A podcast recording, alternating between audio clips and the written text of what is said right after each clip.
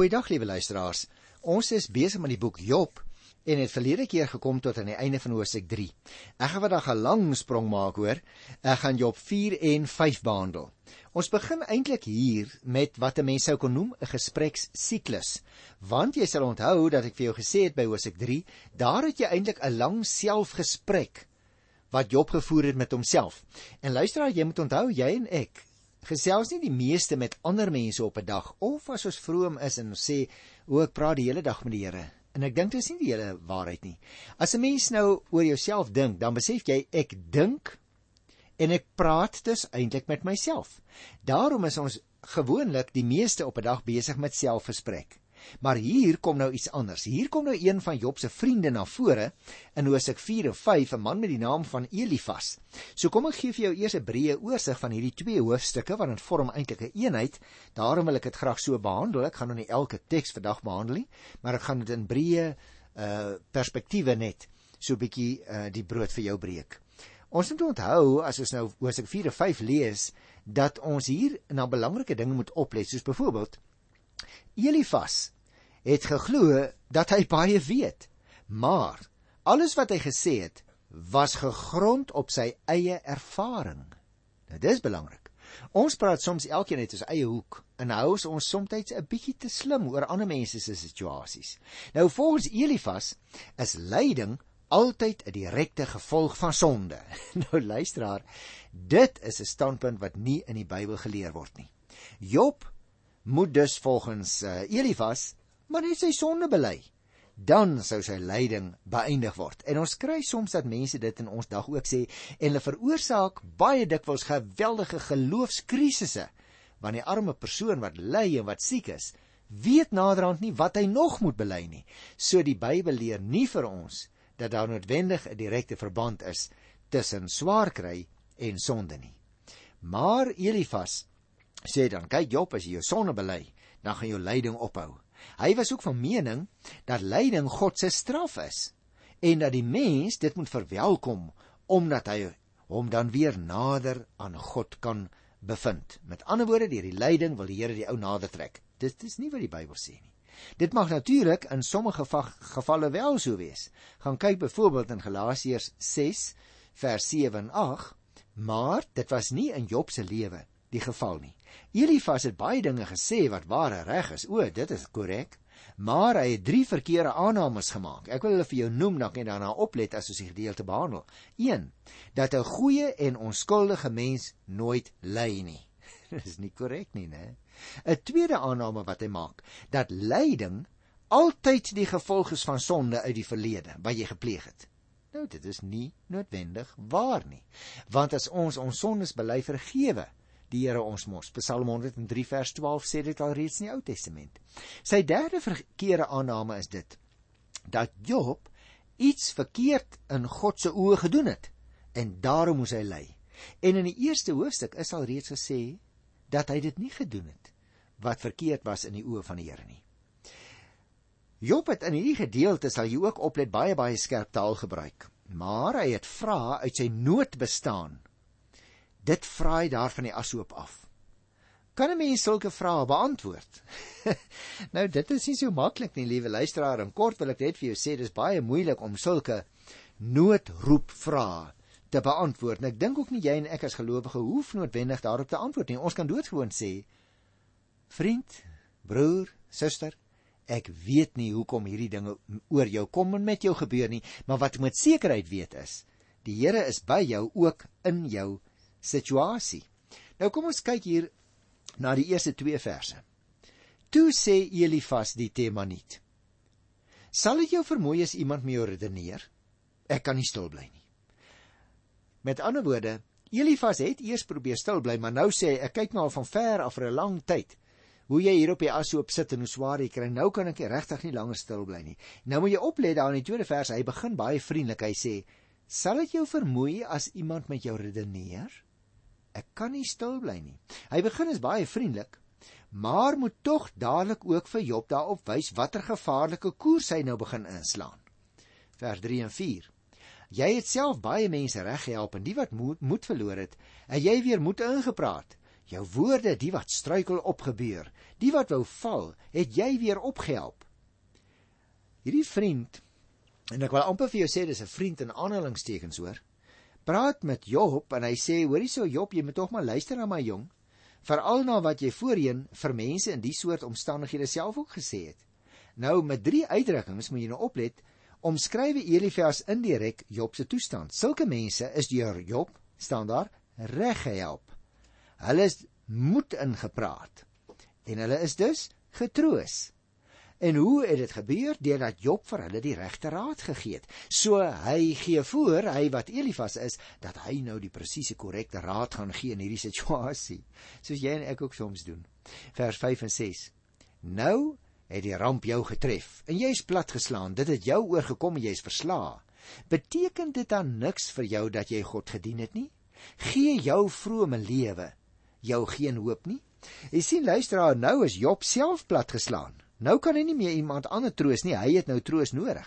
Hy die oomblik, die oomblik het vir hom aangebreek waarin hy homself moet toets deur te vra of die feit dat hy vir God gedien het, sy vrome lewe oor baie jare dan niks beteken in die dae van swaar kry nie. Gee dit nie vir hom hoop en uitsig op 'n beter toekoms nie of Elias die gemoed van 'n mens wat deur 'n ramp platgeslaan is, reg gepyl het.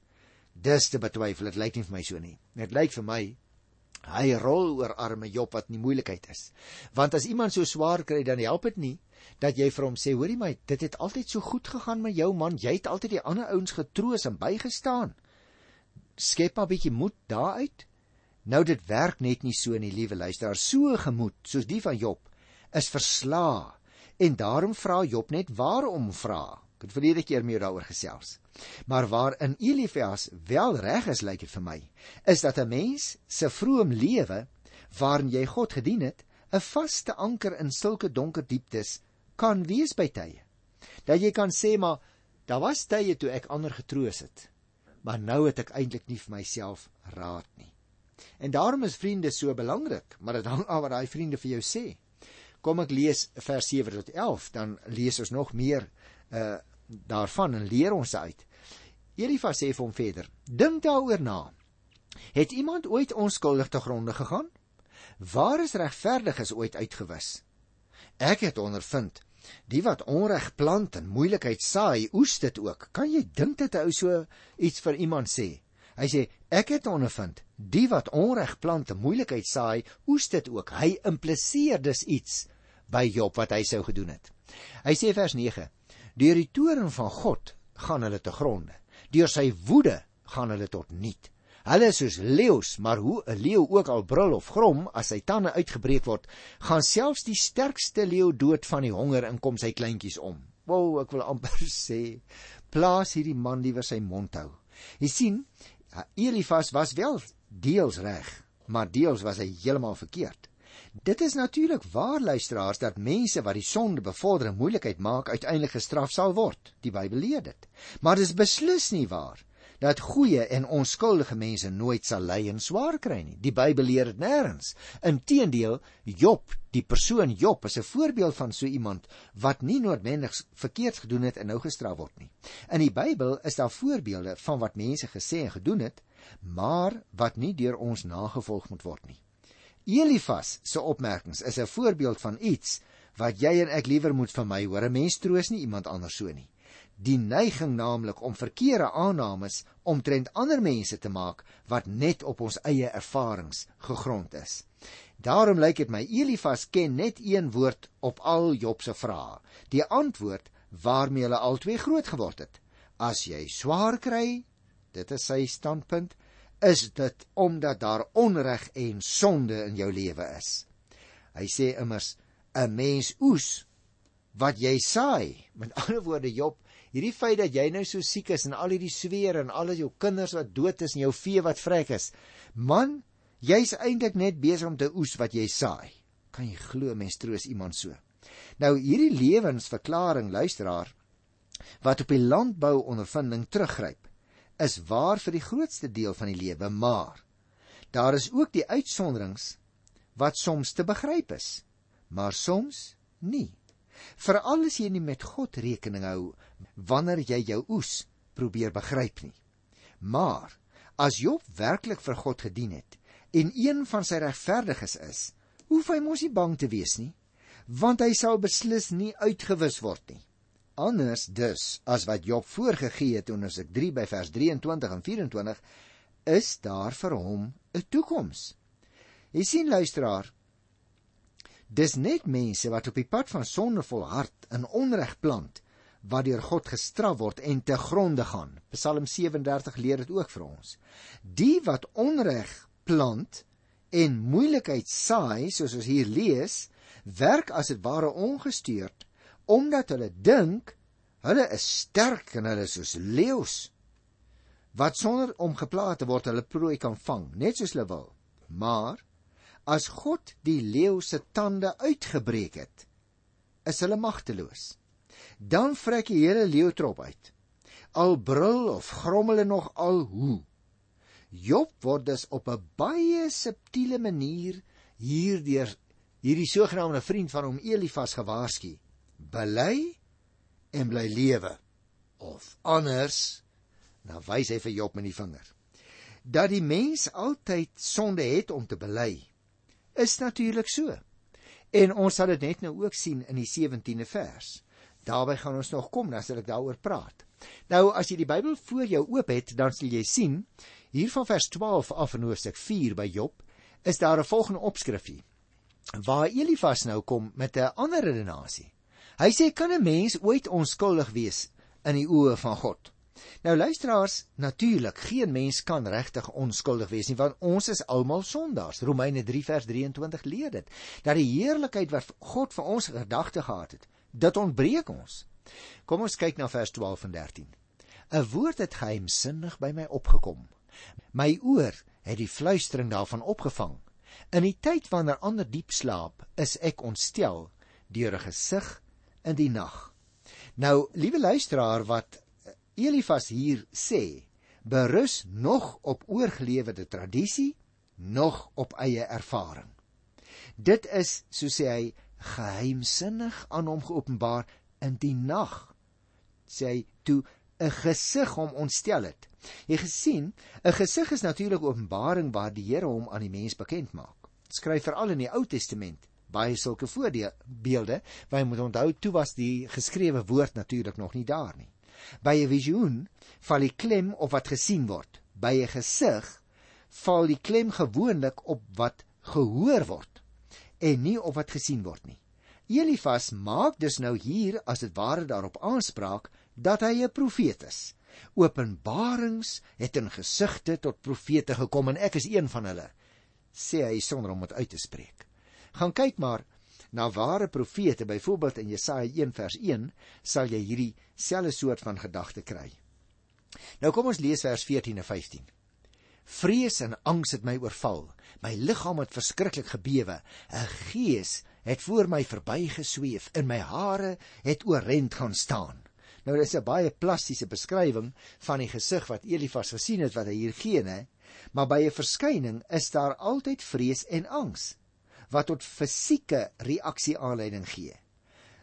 As jy wou gaan naslaan in 1 Konings 22 van vers 19 af. Byvoorbeeld lees ons ook van 'n gees wat 'n lid van die koninklike hof in die hemel was, dus 'n hemelwese, deur wie die Here openbarings aan mense bekend maak. Nou daar is altyd iets wat maak dat die mens nie rein is nie. Dat nie een van ons, soos hier staan, is sonder blaam nie. Die mens luisteraars het nie die mag van die Here nie. Ons het ook nie die heiligheid van die Here nie. En dis baie belangrik. Daarom kom ons kyk nou hierso van vers 16 tot by vers 18. Die Gees het gaan stil staan Hoe hy lyk kon ek nie sien nie, maar daar was 'n gedaante voor my. Dit was stil en toe hoor ek 'n stem. Kan 'n mens ooit onskuldig wees in die oë van God wat sonder blaam voor sy Maker staan en sy hemelse dienaars? Stel die Here geen vertroue nie. Voor hom is selfs sy engele vol gebreke. Jy sien liewe luisteraar, Elifas was op hierdie punt lyk dit vir my regtig heeltemal korrek. Dit is 'n seën om deur God gedissiplineer te word as 'n mens sonde gedoen het. Sy uitlating was egter nie op Job se situasie van toepassing nie. Want soos ons uit die begin van die boek aflei, was Job se lyding nie die gevolg van sonde nie. Ons gee dus soms vir mense goeie raad meen ons, maar baie keer luisteraar is dit raad wat glad nie op hulle betrekking het nie. En daarom vir mense in moeilike situasies van geen nut is as ons hulle ontoepaslike raad gee nie. 'n Mens moet uit die woord van die Here mense probeer raad gee. En dan moet jy moeite doen om so iemand se situasie te verstaan voordat jy hom raad gee. Want ons leer uit vers 18 selfs die engele is vol gebreke en hulle word nie deur God vertrou om dinge op hulle eie te doen nie. Hulle is sy hemelse dienaars wat doen wat God vir hulle sê. Jy kan gerus ook in die Nuwe Testament lees in hierdie verband. As jy die Ou Testament wil naslaan, gaan kyk in Eksodus 23 vers 2 of ook by Psalm 103 by vers 20. So as ek hierdie laaste paar verse van vers 15 af moet opsom tot hier by vers 18, dan sou ek sê wat die Gees vir Elifas gesê het, kom in kort daarop neer dat 'n mens nooit die gelyke van sy maker kan wees nie. En dit bring my dan by die 19de vers tot by vers 21. Kom ons lees dit eers en dan gesels ons weer met mekaar so 'n bietjie daaroor. Hoeveel te meer hulle wat in huise van klei woon, mense wat uit stof opgehou bou is, mense wat soos 'n mot pap gedruk kan word. Tussen oggend en aand word hulle vernietig, hulle verdwyn vir altyd en word vergeet, hulle gaan tot niet, hulle sterf sonder dat hulle wysheid verwerf het. Nou in die terme wat uh, hierdie vriend Elifas hier gebruik luisteraars word die swakheid van die mens beklemtoon teenoor die engele maar ook die mens se beperkte lewensduur. Daarom gebruik hy byvoorbeeld daar in vers 19 die beeld van 'n mot wat eintlik pap gedruk word. Hy wil vir Job troos en nou sê hy hoor se ou Job, ag man, jy moet maar getroos wees, maar wie ons ou mensies se lewe is maar soos 'n mot. 'n Mens word so maklik pap gedruk. Nou jy kan dink, liewe luisteraar, uh hoe jy daaroor sou gevoel het. Ek moet jou eerlik sê as ek in sak en as sit en my uh, ou kom vertel my ag ja man jou lewe is maar soos 'n mot wat maklik pap gedruk word, sal ek nou nie besonder opgelig voel uit my situasie nie. Daarom sê ek ek dink Job kry hier raad van Elifas wat regtig nie toepaslik is in sy situasie nie. Nou goed, Ek het vir jou gesê Hosea 4 en 5 vorm 'n eenheid en daarom as jy 'n Bybel voor jou het, sal jy sien daar's nou nie 'n nuwe opskrif bo hoofstuk 5 nie, want uh, die gesprek van Elifas se kant af met Job gaan maar net voort. Kom ons kyk Hosea 5 vers 1 en 2. Hy sê: "Roep maar. Niemand sal jou antwoord nie." Wat 'n negatiewe woord vir arme ou Job op die ashoop. Hy sê: "Is daar selfs 'n engel na wie jy jou sou kon wend om hulp?" Verbitterdheid maak 'n dwaas dood. Onbeheersheid vernietig 'n onverstandige. Jy sien liewe luisteraar, Elifas daag nou as dit ware vir Job uit om met sy gesindheid te verander. Hy sê man, jy kan selfs 'n engel roep om jou te help. Maar dit sê jou eintlik nie baat nie, want jy's eintlik maar 'n mot. Nou liewe luisteraar, ek het 'n vermoede dat Job nog minder sou baat as hy hom sou stuur aan Elifas. Luister na vers 3 en 4. Hy sê ek het gesien dat 'n dwaas wortel skiet Maar skielik tref 'n ramp sy huis. Daar's geen hulp vir sy kinders nie. Hulle word van onreg in die hof, niemand behartig hulle saak nie. Kan jy jou dit werklik voorstel? Hy verwys nou na die ramp wat Job se huis getref het toe die wind dit omgewaai het, toe sy kinders dood is deur aanvallers. En nou sê hy maar, hoorie so man, dit is eintlik maar eintlik lyk dit vir my jou eie jou eie onreg wat op jou neerkom want dit lyk my dit is die soort rampe wat 'n dwaas tref. Ons moet onthou dat Deuteronomium 32 vir 'n mens leer 'n dwaas volg sy eie kop, asof hy 'n mens is sonder verstand en daarom is sy ondergang skielik. Al het hy hoe goed wortel geskiet. Maar nou kom pas Elifas dit jou waarlik waar op die arme Job daar op die ashoop toe. Luister na vers 5. Wat 'n dwaas geoes het, word deur honger mense opgeëet. Hulle haal dit selfs uit waar dit tussen die dorings weggepak is. Die wat niks het nie, gryp gretig na sy besittings. Jy sien, teen die rooftogte en die diefstal het die dwaas natuurlik geen verweer nie. Selfs al steek hy ook sy dit wat hy geoes het weg op onmoontlike plekke. Dit gaan dus hier om die dwaas as 'n eenling sonder vriende. Met sy gesindheid is Job op pad daarna toe. Dit is nou wat Elifas vir hom probeer sê in hierdie moeilike situasie. Luister vers 6. Elende, kom nie sommer so uit die grond uit op nie man. Swaar kry skiet nie sommer uit die aarde uit op nie. En weer eens, liewe luisteraar, wil Elifas vir Job probeer terugkry. Job moenie die dwaas speel en sy verstand gebruik nie. Dan lei sy pad tot ondergang.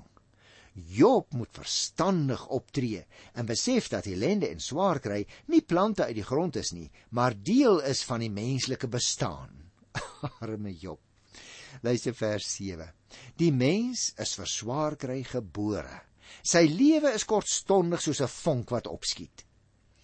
As hy dit net reg hanteer, dit is nou Elifas se argument, soos iemand wat vir God dien, dan behoort hy die regte dinge te doen en dan is daar vir Job 'n toekoms en dan sal sy lewe nie so kortstondig wees soos 'n vonk wat uit die grond opskiet nie. Jy sien, liewe luisteraar, hierdie man Elifas gee eintlik Bybels heeltemal verkeerde raad want hy wil voorgee Job oes die onreg wat hy vroeër gedoen het.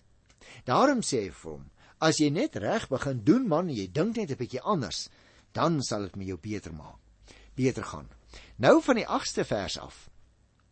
Kom hy met 'n ander argument. Hy sê God maak gesond. Nou eh, kom ons lees hierso by vers 8 tot by vers 11.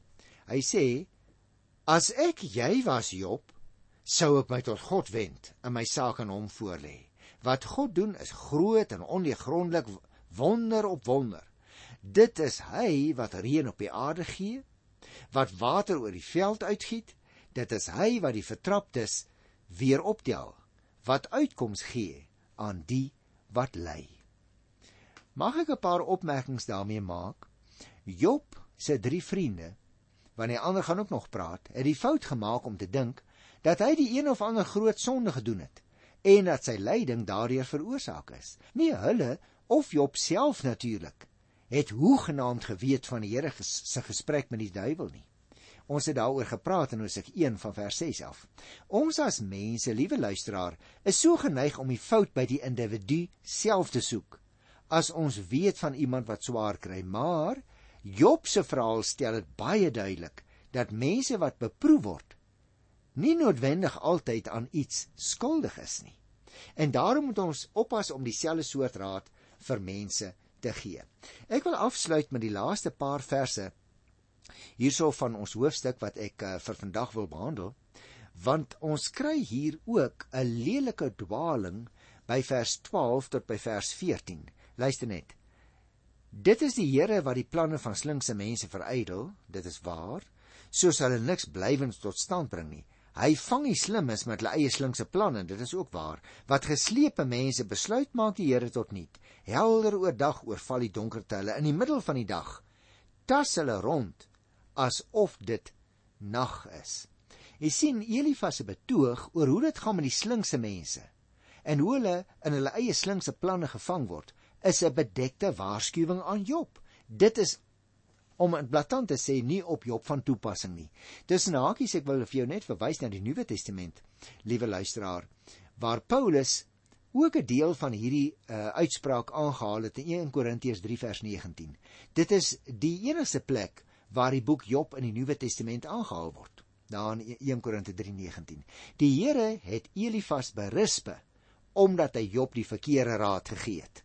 Jy sal dit sien vir alles 'n mens eers kom daarby Hosea 42, maar ons is nog ver daarvandaan.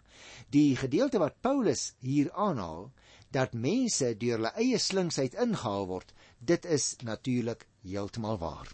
En daarom wil ek afsluit met die laaste gedagte in vers 27 by uh, Job hoofstuk 5. Kyk, dit het ons ontdek. So is dit. Luister daarna en neem dit ter harte. Waarna verwys hy hier?